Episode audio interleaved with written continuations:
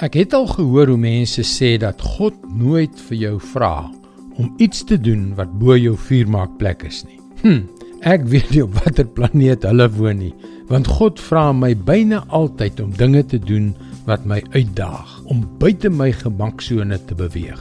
Hallo, ek is Jockey Gouchee vir Bernie Diamond en welkom weer by Vars.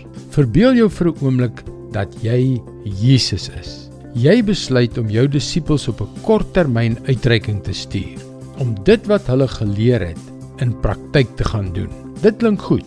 Nou moet jy met die reisbeplanning begin. Reg so? Wat moet ek organiseer?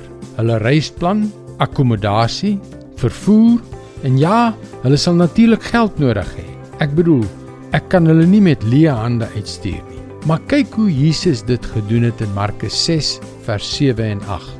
Hy het die 12 nader geroep en begin om hulle 2-2 uit te stuur. Hy het vir hulle gesag oor die onrein geeste gegee.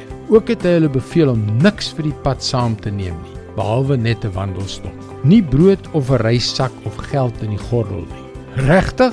Hoekom sou 'n mens dit doen? Dis eenvoudig. Omdat die belangrikste ding wat daardie disippels moes leer, was nie dat hulle die mag gehad het om demone uit te dryf nie. Nee, Die belangrikste ding wat hulle moes leer was om op Jesus te vertrou. Die belangrikste ding wat hulle moes leer was dat wanneer God jou 'n opdrag gee, hy jou ook die middele gee om dit uit te voer. Soms dink ons aan God as 'n soort bestuurder van 'n groot besigheid, 'n strategiese beplanner, 'n uitvoerende hoof en 'n raadgewende guru alles in een. Maar dan slaan jy die bal heeltemal mis en verkeer jy beslis onder 'n wanindruk van wie Jesus is. Sy weë is nie ons weë nie. Sy gedagtes is nie ons gedagtes nie. Ja, hy betrek ons by sy planne. Ja, daardie disippels moes ongetwyfeld onderweg verstandige keuses maak. Maar die belangrikste ding wat hulle moes leer, was om op Jesus te vertrou.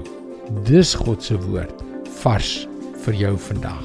Is dit nie interessant hoe net daardie een verhaal 'n hele nuwe lig werp op wat God in ons lewens kan doen nie. Hoe ons wanhoop kan verander in bemagtiging. Die oomblik wat ons besef dat hy besig is met iets baie groter as wat ons beplan het. Jy kan ook daagliks boodskappe soos hierdie per e-pos ontvang. Gaan ons webwerf varsvandag.co.za en teken in. Jy kan ook na vorige boodskappe luister of dit daar lees. Luister weer môre na jou gunstelingstasie vir nog 'n boodskap van Bernie Diamond. Seënwense en mooi loop.